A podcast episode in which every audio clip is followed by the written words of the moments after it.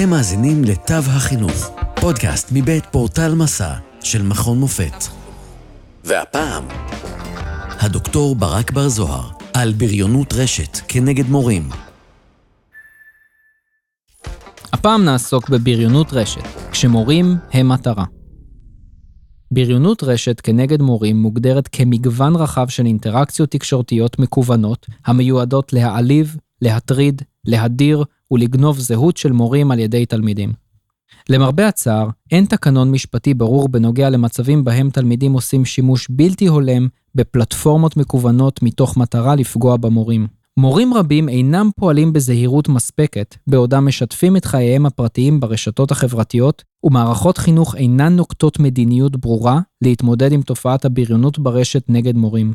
הגם שמחוזות החינוך בארצות הברית ניסחו מסמכי מדיניות העוסקים בשימושי תלמידים ומורים במדיה חברתית, המסמכים האלו אינם מכסים את הסוגיה בשלמותה.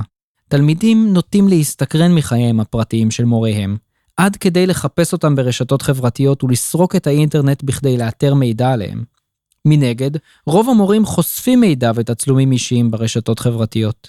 התלמידים מתוחכמים מאוד מבחינה טכנולוגית, ופועלים בצורה אנונימית, מה שעלול להקנות להם עליונות מסוימת.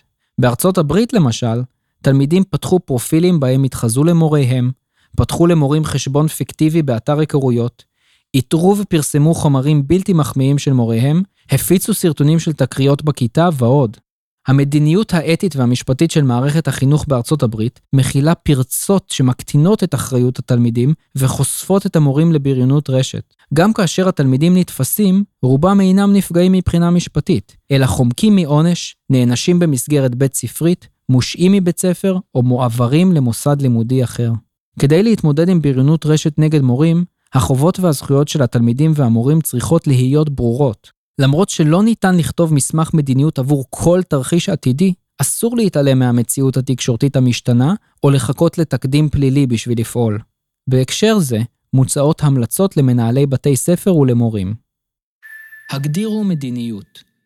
בקשו ממנהלי וממפקחי המחוז להקים צוות שיגדיר את נהלי והליכי ההתמודדות עם בריונות רשת נגד מורים. טיפול מונע ואחיד. קידום מניעת בריונות רשת יכול לסייע למתן אירועים פוגעניים ולהימנע מעונשים, תביעות משפטיות והליכים פליליים נגד תלמידים. בד בבד, תהליכי הענישה והחקירה צריכים להיות הוגנים וזהים ברחבי המדינה. שמרו על הגדרות הפרטיות. למרות שמשתמשי רשתות חברתיות יכולים להתאים את הגדרות הפרטיות, לא תמיד ניתן לשלוט בפרטיות באופן מלא. גם אם הפרופיל פתוח לחברים בלבד, זכרו שכל פעולה עלולה להיות מועתקת, מועברת ומופצת. חפשו את עצמכם בגוגל. הבינו שדמותכם הדיגיטלית חשובה להמשך הקריירה שלכם. הקפידו לחפש מידע אודות עצמכם ברשתות החברתיות, בכדי לנסות לאתר פעילויות חשודות, כמו פרופילים מתחזים או תצלומים מועתקים. כלי יעיל במיוחד הוא מנוע החיפוש גוגל, אשר מציע שירות של איתור מקור תמונה, Reverse Image Search, המאפשר לזהות היכן תצלומים מסוימים הופצו. דווחו על חששותיכם. אם משהו חשוד קורה, בצעו צילום מסך ודווחו מיד למנהל או לרשויות החוק, אם יש צורך בכך.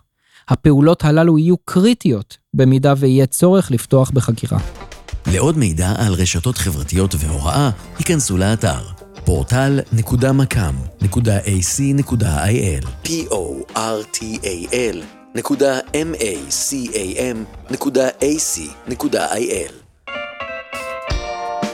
עד כאן מהפעם. תודה שהאזנתם לתו החינוך, פודקאסט מבית פורטל מסע של מכון מופת. פרקים נוספים תוכלו למצוא בפורטל מסע, או באפליקציית הפודקאסט האהובה עליכם. אתם מוזמנים לשלוח לנו תגובות, רעיונות, לשתף עם אחרים ולעשות מנוי לפודקאסט תו החינוך. התוכנית הוקלטה ונערכה במרכז המידע במכון מופת. נשתמע בפרק הבא.